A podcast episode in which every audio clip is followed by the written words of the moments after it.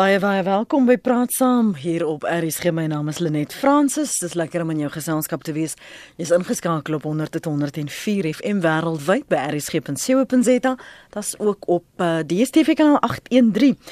Nou ja, daar's verskillende politieke ideologieë wat in Suid-Afrika bestaan. Baie word van ander wêrelddele ingevoer.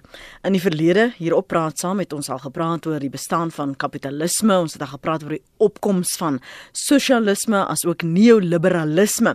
Die jongste een wat internasionaal kop uitsteek is federale sosialisme of dan nou sommige somme noem dit 'n uh, sosiale federalisme. Nou kan so 'n ideologie in Suid-Afrika 'n tuiste vind. Praat met my gaste vanoggend, dis professor Dirk Coetzee, politieke onlede verbonde aan Unisa. Goeiemôre professor. Goeiemôre, goeiemôre net. En ons praat ook met professor Andre Dievenage, politieke onlede by Noordwes Universiteit se Potchefstroom kampus. Goeiemôre professor. Môre net. Vir mense wat soos baie ander dalk nie polities georiënteerd is of 'n belangstelling in politiek het nie, wat sê, "Hæ, wat sal dit nou wees?" Professor Kutse, gee vir ons 'n leuke verduideliking uh, hoe hoe dit figureer in 'n samelewing, in 'n politieke stelsel waar dit wel gebeur en of daar 'n oplewing is al dan nie. Wel die die konsep bestaan uit twee elemente. Die een is federaal of federalisme dus en dit beteken dit verwys na 'n na 'n vorm van regering of 'n vorm van staat eintlik uh, wat die teenstelling is van byvoorbeeld 'n unitêre staat. 'n Federale staat is een soos byvoorbeeld die FSA, soos Kanada, soos Australië, soos Switserland en en 'n hele klomp ander lande in in Afrika, daar's byvoorbeeld Nigerië en Ethiopië. Uh, wat georganiseer ge is op so 'n wyse dat daar 'n verdeling van konstitusionele magte is tussen die sentrale of federale regering en die state. In ons geval sou dan provinsies wees. Um en dat die state 'n hoë mate van autonomie binne so 'n staatsbestel het. Die sosialisme is is natuurlik redelik goed bekend. Um dis 'n vorm is veral 'n ekonomiese stelsel, maar dit kan ook 'n mate van 'n politieke stelsel wees wat um op ingestel is dat 'n hoë mate van die ekonomie gesentraliseer is of besit word deur die staat, um, of op 'n op 'n gemeenskaplike basis besit word. Daar's variasies daarvan vanaf sosiaaldemokrasie wat byvoorbeeld skandinawiese lande is tot 'n baie rigiede vorm van sosialisme wat in die kommunistiese uh, bedelings bestaan het. Nou die kombinasie van die mm. twee bring mense uit by lande soos byvoorbeeld die ou Sowjetunie of byvoorbeeld 'n land soos Joegoslawië wat nou opgebreek het in die lande soos uh, Kroasie en Slovenië en uh, Kosovo en ander lande wat bestaan nie meer nie. Um en die Sowjetunie wat ook nie meer bestaan nie. Um die enigste ander land in die wêreld wat op die oomblik amptelik beskou word as so 'n tipe van 'n land is Nepal, net noord ja. van uh, van Indië. Maar die idee van hierdie konsep is meer nou word gebruik in 'n ideologiese sin veral in die Amerikaanse konteks. Ehm um, en dit word veral gebruik deur die neo-konservatiewes wat veral die Obama uh era kritiseer daarvoor dat veral vir iets soos byvoorbeeld Obamacare uh mhm. -huh. dat dit 'n vorm van sosialisme in Amerika aangebring het dat dit die die rol van die staat of van die regering uh oormatig baie prominent maak, um, dat dit beteken dat daar hoë belastings moet wees dat die regering meer betrokke raak in die lewe van individue terwyl hulle gevoel is dat dit is privaat omgewing die byvoorbeeld 'n gesondheidsdiens dit is die individu se verantwoordelikheid om gesondheidsdienste te kry um, en dat dit moenie dat daar moenie belasting wees sodat ek moet vir 'n ander persoon se gesondheidsdienste eintlik kry subsidieer nie So dit is iets wat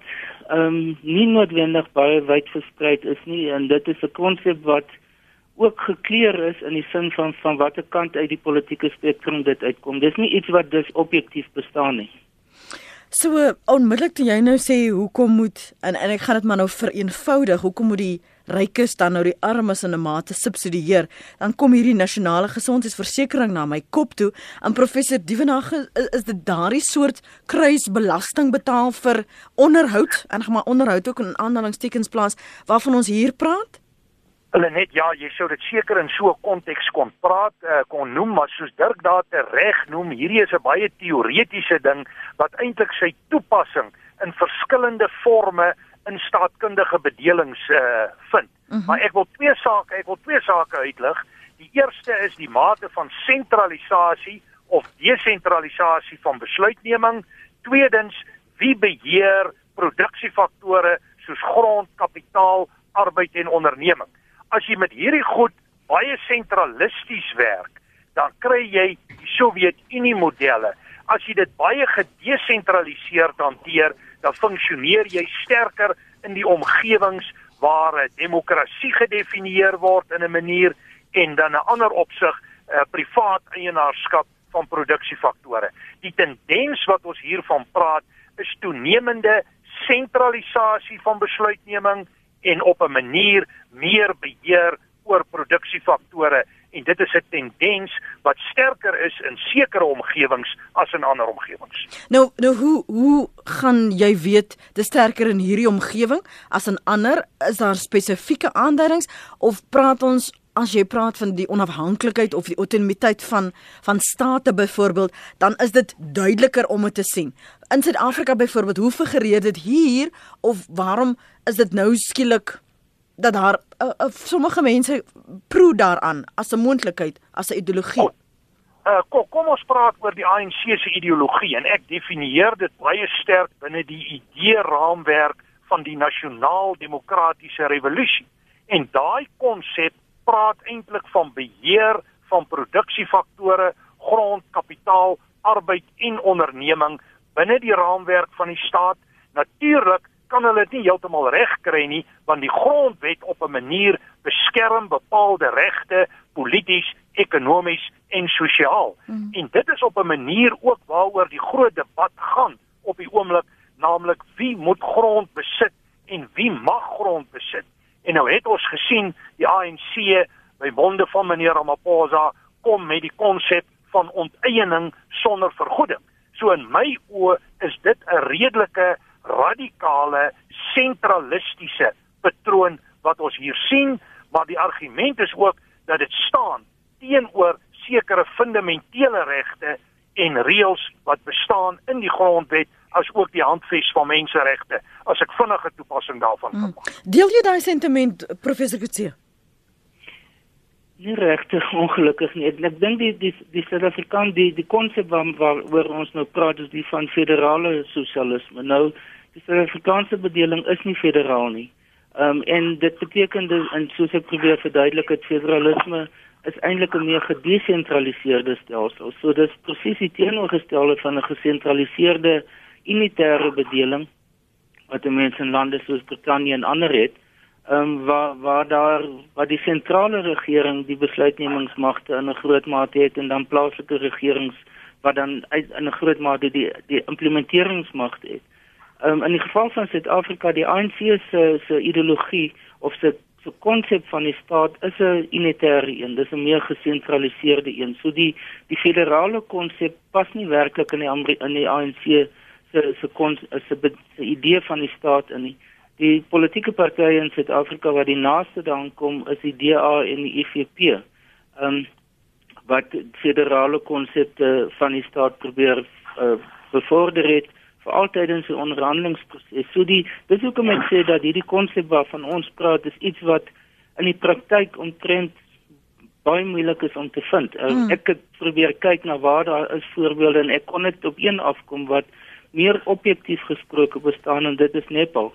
Ehm um, so die die die in die ander gevalle waar dit byvoorbeeld die Amerikaanse bedelings of die Amerikaanse regerings uh forme wat ehm um, president Obama mee geassosieer word, gaan dit oor 'n oordeel. Dit is is of en en dit is die, die regse of die neokonservatiewes wat hom daarvan beskuldig dat hy 'n sosialisme probeer bevorder het of inbring in die Amerikaanse bedeling wat ek dink enigiemand anders buite Amerika sou sê dit is 'n baie prominente vorm van kapitalisme of 'n vrye markstelsel.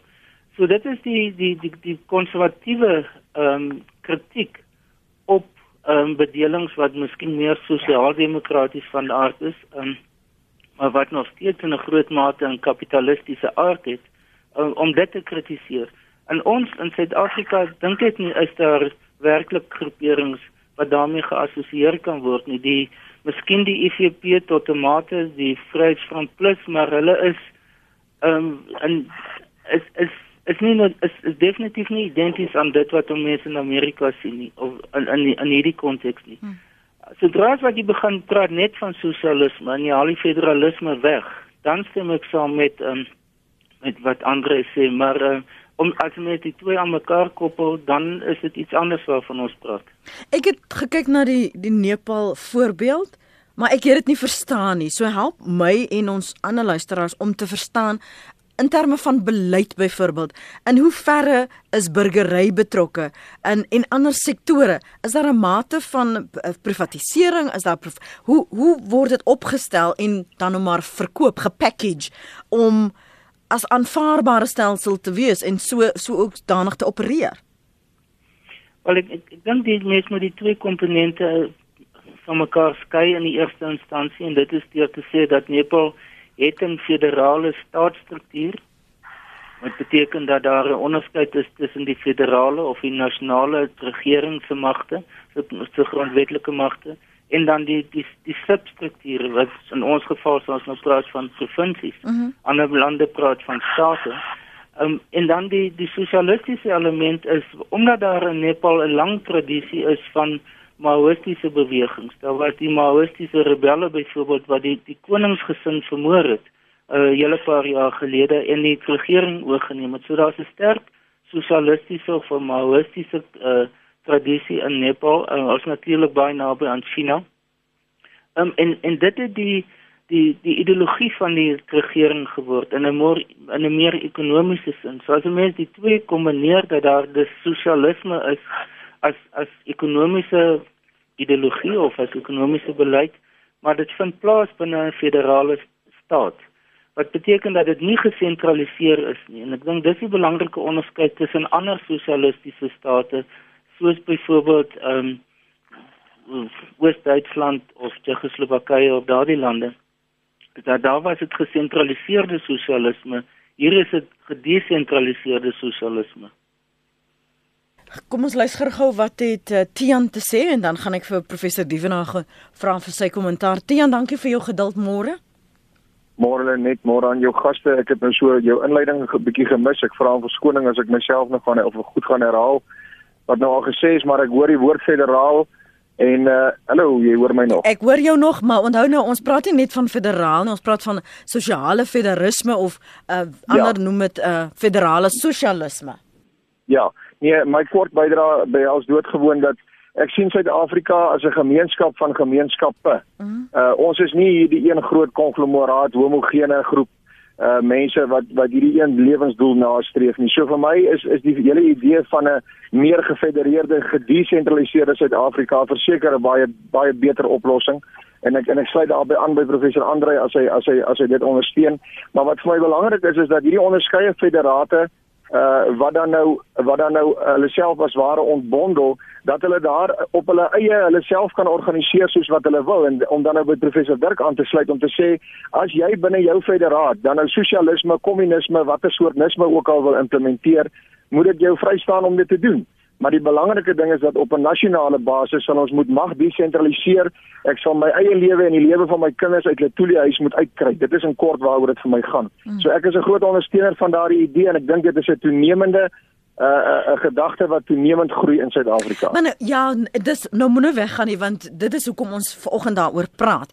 Want hoe ja. hoe hoe verduidelik jy dit vir ander wat nie daardie konsep verstaan nie. Want ons praat van in, in die, die tenstrydigheid van die een is twee ons moet van mekaar skei die federal, uh, federalisme en die sosialisme. So hoe maak jy sin vir iemand anders? Tot in watter mate praat ons van eie reg en onafhanklikheid en sonder inmenging en ingryping van 'n staat of 'n regering dat ons al moet ons ons eie geld in dit ook druk. Ons is hier op ons eie. Help ons wat nie daaraan glo nie of nie verstaan nie ten minste om dit te, beter te begryp?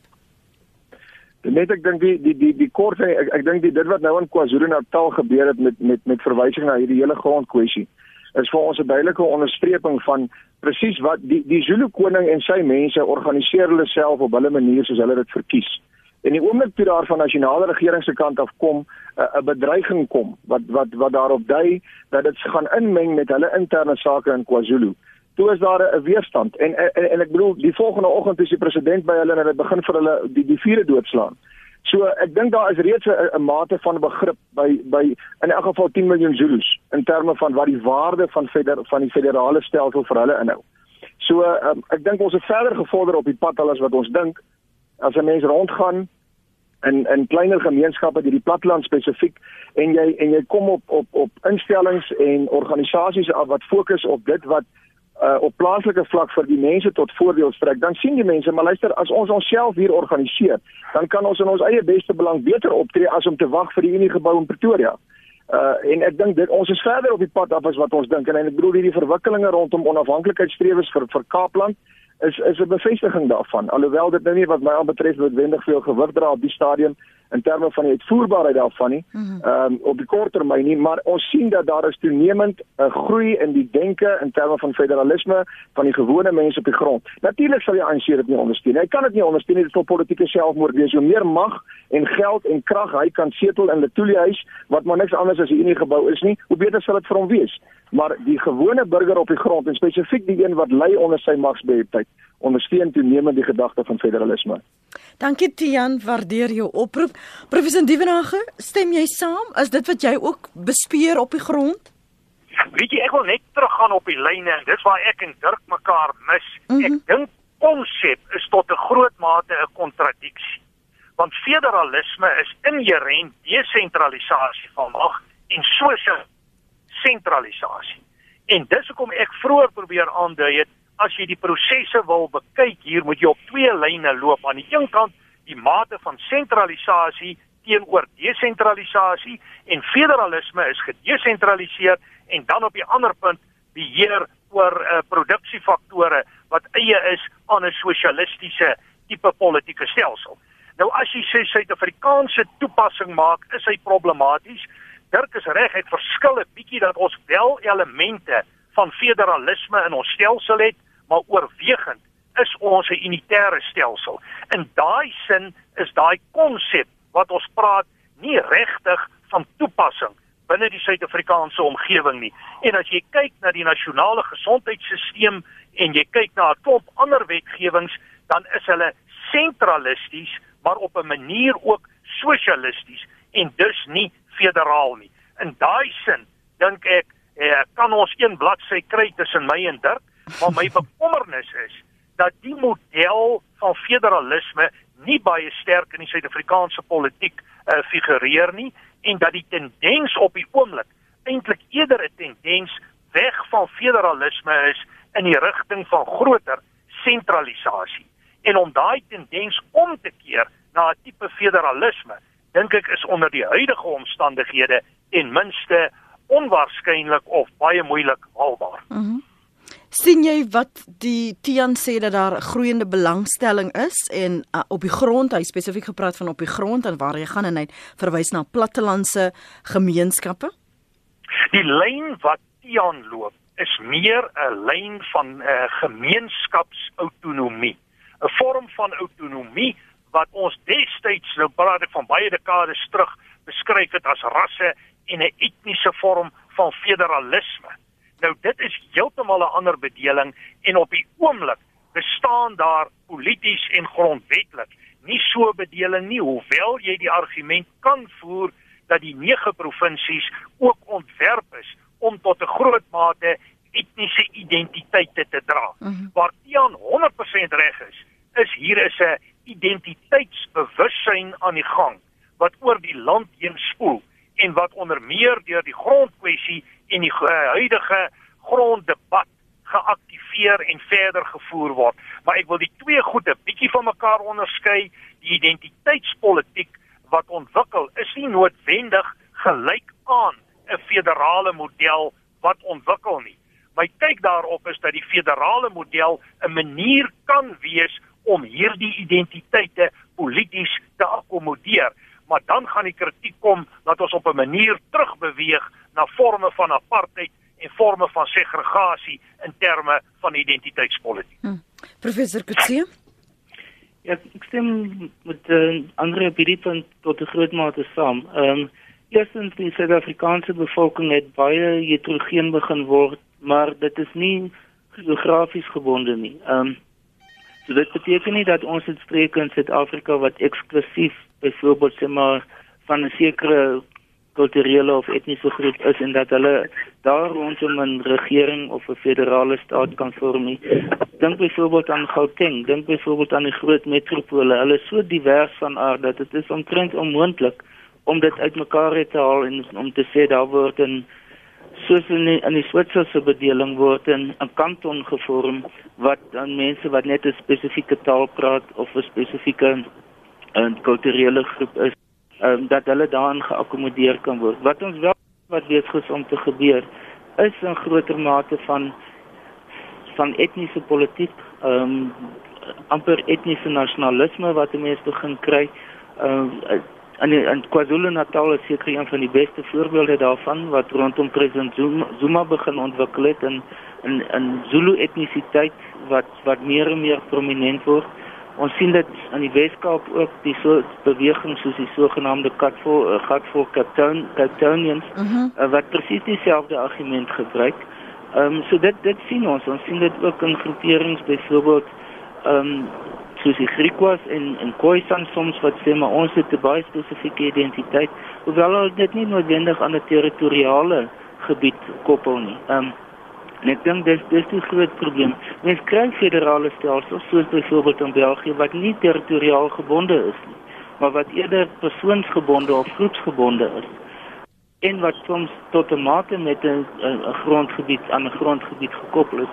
Dit is natuurlik baie meer problematies en gaan baie nader kom as wat Andre van praat as 'n meer in wat dan baie gaan lyk na 'n apartheid tipe van 'n nuwe apartheid tipe van model. En dit op sigself is natuurlik op hierdie stadium on, omtrent 'n ononderhandelbare idee uh, as gevolg van ons geskiedenis.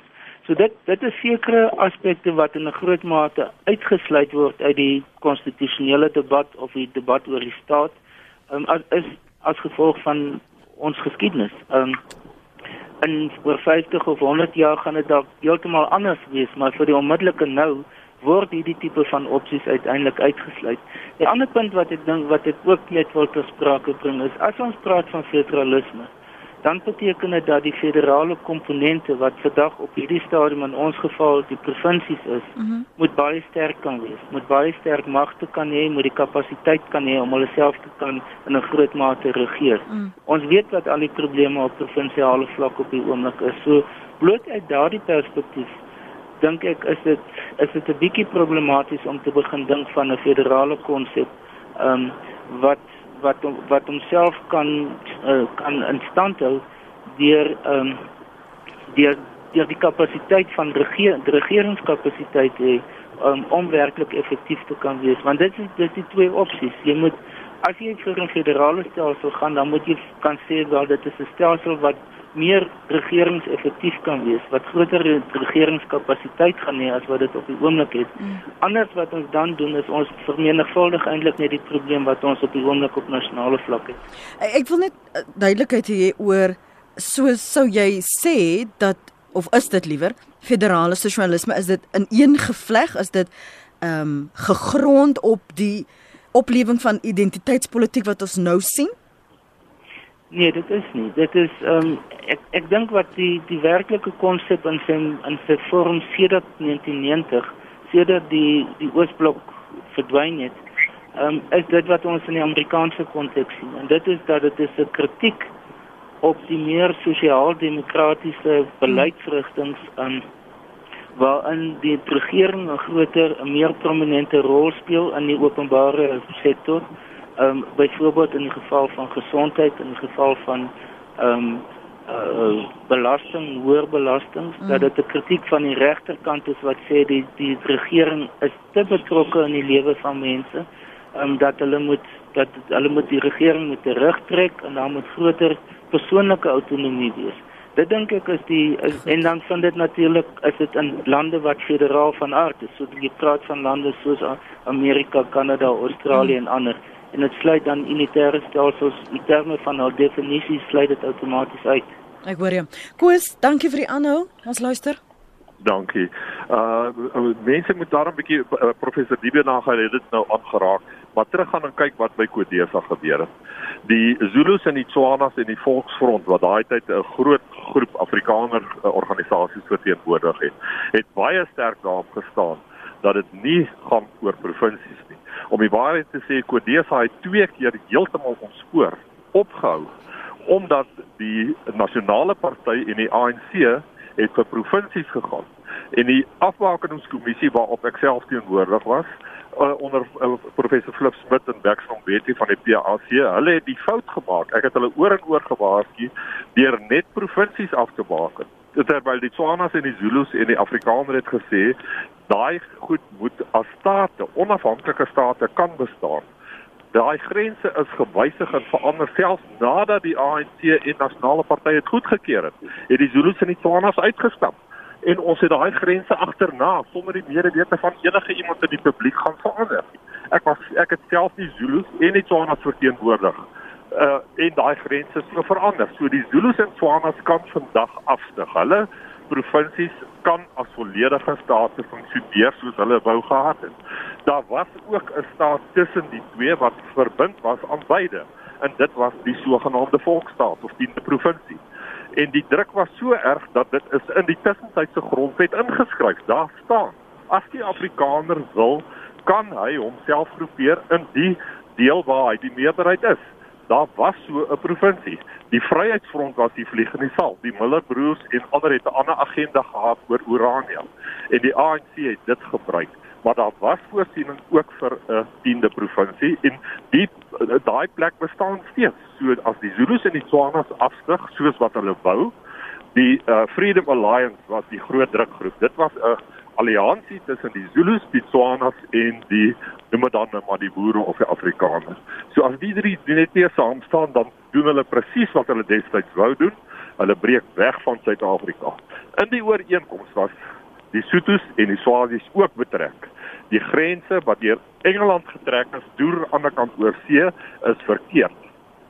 Die Swazi gebied moet ook 'n deel van die huidige sogenaamde Mpumalanga kry en die Sotho gebied ook 'n deel van die huidige Vrystaat. So ten minste het jy dan 5 nasiestate wat nie homogeen is nie maar waarin 'n spesifieke volk 'n groot meerderheid vorm. Die Swazis, die Sothos, die Zulus, die Tswanas en die Afrikaners. Dankie. Dankie Koos.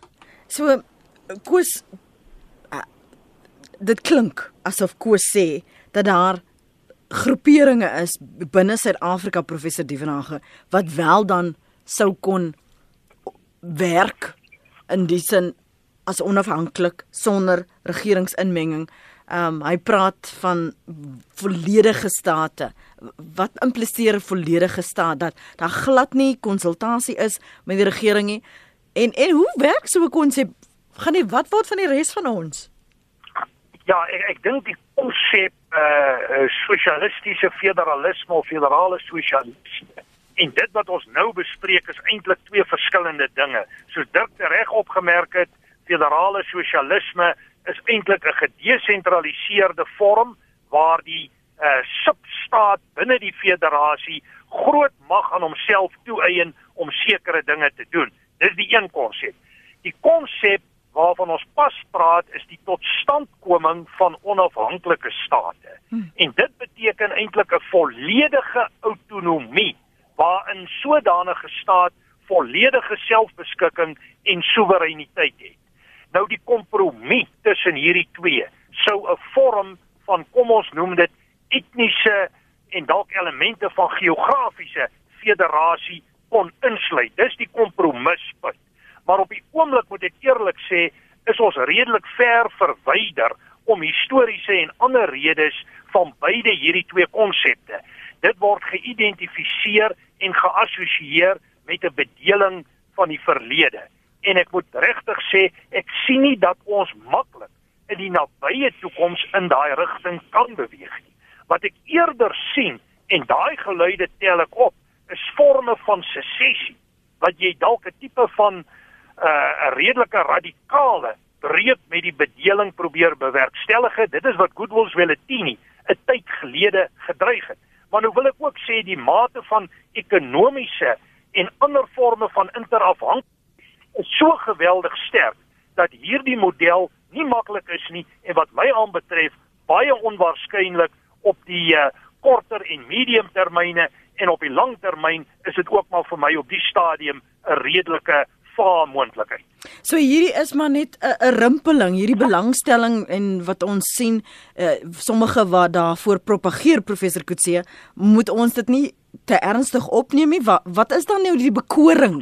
Dis miskien wat ek weer wil verstaan. Die bekoring van so iets dat dit gepropageer word. Dat dit selfs op lig nou gesê het moet maar is daar is meriete vir so 'n saak.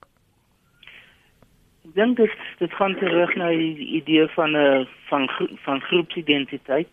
Uh dit gaan terug na die idee van dat Suid-Afrika op die oomblik is vir baie mense te geïntegreerd, dat dit te gesentraliseerd is ehm um, dat hulle voel dat hulle vir al die klein groepe uh, en dis nie drastig nie dit is dikwels geografies uh, soos byvoorbeeld KwaZulu-Natal of soos die ou Wenda ons sien die Wenda idee meer en meer prominent word weer ehm um, dat dat dit terughinker amper na idealisme wat in die verlede bestaan het met die tuislande ehm um, maar dit is in terme van die die bedeling in Suid-Afrika is dit is dit geskiedenis daar's geen manier, absoluut geen manier hoe ene hoe dit enigstens terug kan kom in in ons leeftyd nie.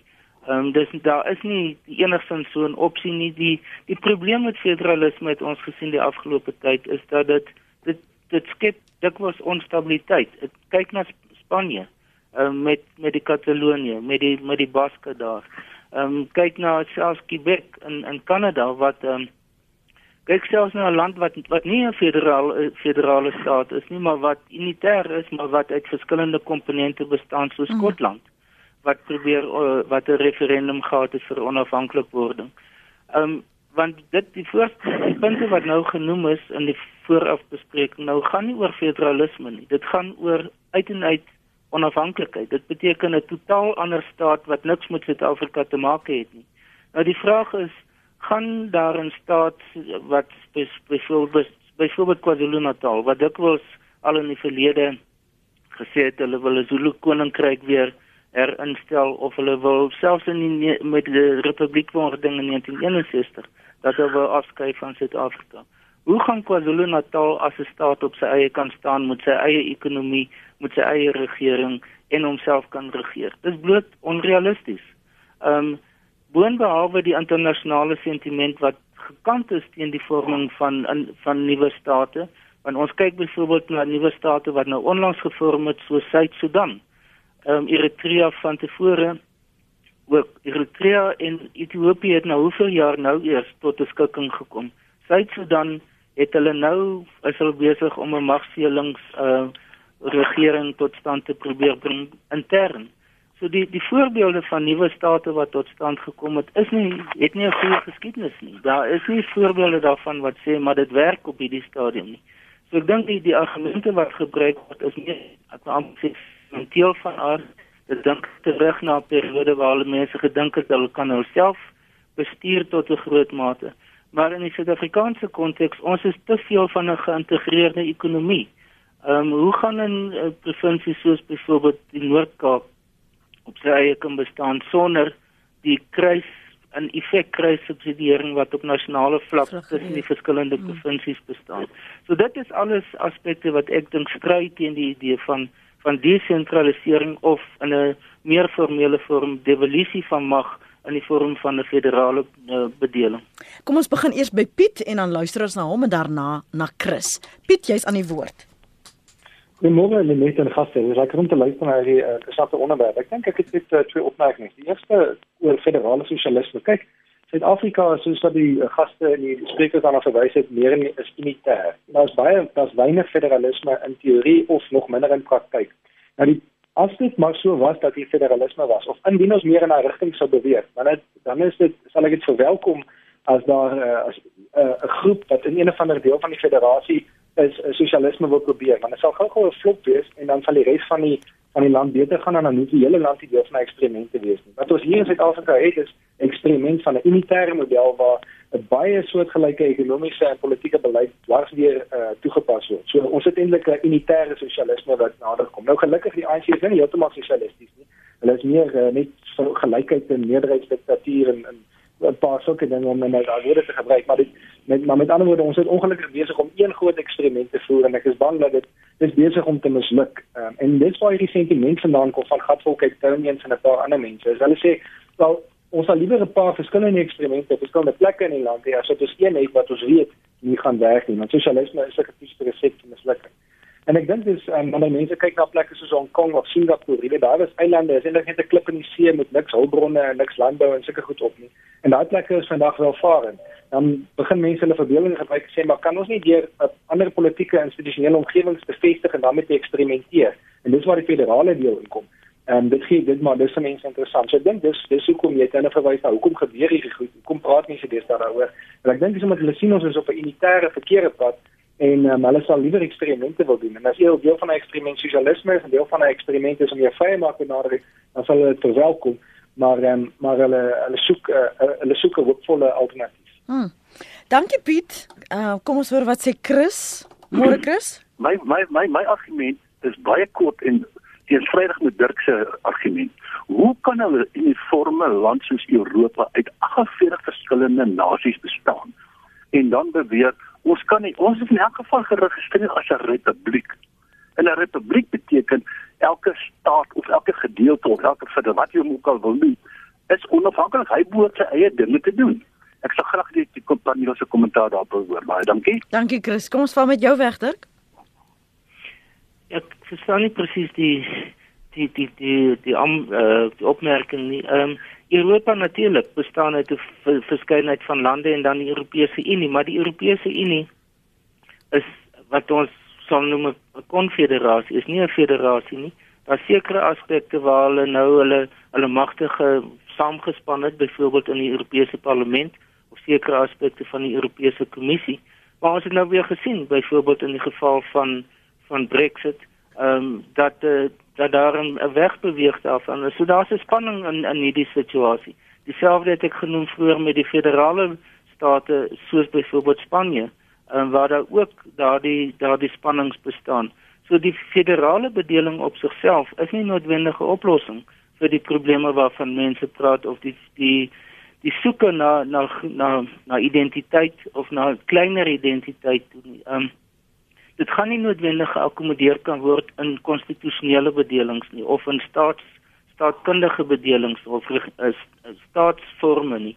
Um, ek dink ons gaan moet soek na na ander maniere om identiteit te akkommodeer um, want die meeste lande deesdae is nie meer homogeen nie. Ek meen dit is 'n feit selfs in die mees homogene lande soos skandinawiese lande is al nie meer 100% homogeen nie.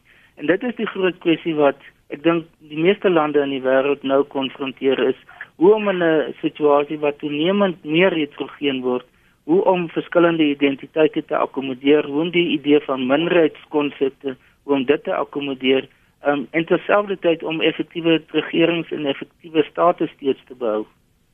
Um, Professor Divenag, die die feit dat Piet sê ons moet versigtig wees vir die eksperimentering en dat hy voel dat die unitêre beleid en die wyse waarop die benadering dit ge, uh, gefaal het uh, is dit om daardie argumente versterk dat ons na ander opsies moet begin kyk? Of is dit eintlik maar 'n groepering 'n klein groepering wat dit voorstrewe? Want een van die luisteraars sê hier gou hierson laat ek dit net byvoeg met hierdie argument. Johannes van Sail sê jy verstaan nie die vryheidstrewe van die mense wat twee boere oorloë teen imperiale Brittanje geveg het nie. Daardie vryheidstrewe is nie dood nie. Onthou die Anglo-Boere oorloë het ook bekend gestaan as vryheidsoorloë. Ja, ek wil dit so beantwoord deur te sê ek dink die tipe debat wat ons op die oomblik het, reflekteer vir my die aard van die krisis wat ons ervaar in die groter Suid-Afrikaanse staatkundige, ekonomiese en sosiale omgewing. Dat mense weer begin vra vra wat is die beste alternatief? Het die 94 skikking ooreenkoms gewerk? Moet daaraan verander word? Hoe moet ons te werk gaan vorentoe? Ek dink dit is 'n positiewe konsep. En dan natuurlik werk jy maar met jou drie klassieke staatkundige modelle van konfederalisme, federalisme en natuurlik unitarisme. En iewers in daai konteks moet jy probeer om antwoorde te vind. Nou Dirk se argument is basies dat ons het gevorder op hierdie pad en dat mens verder moet ontwikkel en verder verfyn in hierdie verband en kyk hoe kan ons minderheidsregte en identiteit inbou in hierdie groter proses. Nou dit is 'n bepaalde denklyn, maar hier is ook ander denklyne wat reken dat mens meer radikaal met identiteit moet werk en dat jy identiteit op 'n manier polities moet akkommodeer. Nou dit kan waar wees, maar dan staan jy en Dirk is daar reg voor die uitdagings van integrasie van interafhanklikheid van mense en streke tot mekaar. Dit is baie komplekse prosesse en ek dink nie die antwoorde hiervoor is eenvoudig nie. Maar wat vir my belangrik is, is dat ons op die staatkundige pad moet groei en dat hier bepaalde uitdagings in die verband moet kom. Mm. Ek, het uh, ons het gehoor wat Koos gesê het en uh, Corne Mulder het ingebel. Ek is baie bly om te hoor jy ingebel. Ek het gewonder of jy luister. Jy wil reageer op wat Koos gesê het, Corne? Ander reageer op wat Koos gesê het. Die onderwerp is geweldig interessant en dit gaan oor 'n baie wye terrein en dit baie goed is. En ek dink daar's enig twee vertrekpunte wat ek dink ons dalk miskyk. Die eerste een wat my betref is Suid-Afrika is 'n ongelooflike diverse land. Gaan kyk na die grondwet. Die grondwet begin deur te sê 11 amptelike tale. Hoekom 11 amptelike tale? Want ons is nie een homogene groep in Suid-Afrika nie. Die bestaan van Suid-Afrika as sodanig is eintlik maar 'n kunsmatige konstruksie wat gekom het van 1910 af. Die naam van hierdie land, Suid-Afrika, is 'n geografiese aanduiding. Daar bestaan nie 'n taal soos Suid-Afrikaans nie. Ons het geweldige diverse gemeenskap. En nou is die vraag, hoe bestuur en hanteer ons hierdie situasie? En natuurlik het ons tans unitêre stelsel wat regeer word op 'n sentrale manier. En die geskiedenis hou sedert 94 dat die regering nie baie suksesvol daarmee is nie. En daarom soek mense na alternatiewe en kyk na ander moontlikhede. Die hele gedagte van subsidiariteit, wat beteken dit? Dit beteken dat besluite moet geneem word op die laagste vlak moontlik so naas moontlik aan die mense. Dan kan jy mense meer akkommodeer. Dit gebeur nie in Suid-Afrika nie. Goed word nasionaal bo besluit en nie effektief uitgevoer nie. So dis 'n geweldige komplekse gesprek. Professor Kotse maak die een punt my interessant. Hy sê daar is geen manier dat KwaZulu-Natal 'n suksesvolle staat ekonomies kan wees nie. Maar wat van Lesotho? Wat van Swaziland? Hulle word erken internasionaal. Hulle bestaan 'n provinsie soos KwaZulu-Natal kan 'n baie meer effektiewe staat vorm as dit sou moontlik wees. Gaan kyk na artikel 235 van die grondwet wat hierdie goeders moontlik maak. Dit is 'n proses. En soos wat die suidige Suid-Afrika nie mense akkommodeer nie, gaan hierdie goeders onomwonde sterker na vore kom. Kom ek kom gou by Koos Reyneke. Koos het 'n probleem destyds met kaarte getrek en almal ken hom as Koos kaart. Maar die feit van die saak is wat die Vryheidsfront Plus in daardie tyd gedoen het, was die korrekte standpunt deur in te koop in 'n proses en artikel 235 in die grondwet te gaan inkry. Die kaarte wat getrek was was kunsmatige kaarte in 'n woonbuurt. Linwoodweg is 'n grens. Die kant van Linwood binne Koos se volksstaat en daai kant van Linwoodweg is buitekant Koos se volksstaat. On, onrealisties kon nie werk nie. En dit is die werklikheid waarbinne ons funksioneer. Mm. Dankie vir die inbel en dankie vir daardie vir verklaring. Ek waardeer dit en die konteks wat jy vir ons gegee het. Ons nou weet ons ook daar's 'n dit was Kooskaart um, en en dit waarna dit verwys. Maar ek het intussen vir professor Dievenage verloor. Ons gaan hom gou terug uh, bel sodat ons kan afsluit. Professor Kutse, jou slotgedagtes, veral ook uh, want ek miskien dalk vir luisteraars wat nie verstaan nie. Ons wil weet figureer diversiteit enigsins in so ideologie en so 'n konsep van sosiale sosiale federalisme of is dit 'n each unto its own unto themselves? Ja. Ek net die, net die eerste punt dink ek die verwysing na Lesotho en Swaziland is eintlik deel van my argument. Uh, beide van hulle het nie onafhanklike ekonomieë nie. As dit nie is vir die welkom goudvelde en ander gebiede nie, sou Lesotho nie en sowel as met die die tol die SACU die Suid-Afrikaanse Suid-Afrikaanse tolunie sou Lesotho nie 'n ekonomie gehad het nie. Dieselfde geld vir vir Swaziland.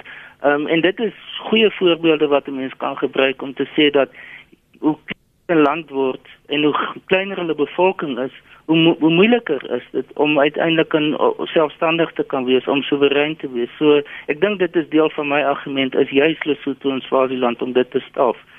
Ek dink as jy mens kyk na die terug na die na die oorspronklike konsep van federale sosialisme, is dit 'n kombinasie van twee konsepte wat eintlik nie werklik vir my was dit aanvanklik vreemd toe ek hierdie konsep gehoor het want dit is nie 'n is nie 'n konsep wat in die gewone omgang gebruik word nie. Ehm um, en dit is na my mening was dit bedoel om die ou oorsprong te beskryf en nou tot 'n mate soos ek gesê het die die Amerikaanse situasie. Dis nie iets wat algemeen in die politieke hmm. wetenskap mm. gebruik word nie. Dit is 'n absolute onbevakte uh, konsep. Hmm. Ehm um, so dit is nie iets wat ek dink wat in die omgang na verwys word nie.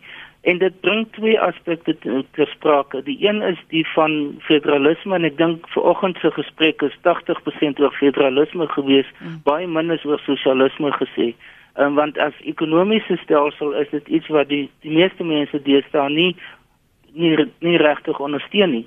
'n so, sosiaal-demokratiese stelsel soos wat byvoorbeeld die die ehm um, arbeiders in Brittanje ondersteun of die of die skandinawiese lande of die sosiaal-demokratiese party in Duitsland dis iets anders. Ehm um, vir baie mense is dit meer aantreklik, maar dit is nie die die ekstreme vorm van sosialisme nie. Ehm um, om dit aan aan mekaar te koppel federal federale sosialisme is iets wat in die Suid-Afrikaanse konteks as as gemeen as een konsep as geverenigde konsep ek dink nie werklik deel van die debat is nie. Hmm. Dis ongelukkig waar ons dit moet laat. Baie dankie vir jou tyd vanmôre professor Dirk Coetzee, politieke ontleder verbonde aan Unisa. Ons het ongelukkig uh, vir professor Andre Dievenage verloor. Ons weet wel hy bestuur en dis waarskynlik ook wat die sein affekteer. Hy is politieke ontleder by Noordwes Universiteit se Potchefstroom kampus. Dankie vir julle insette.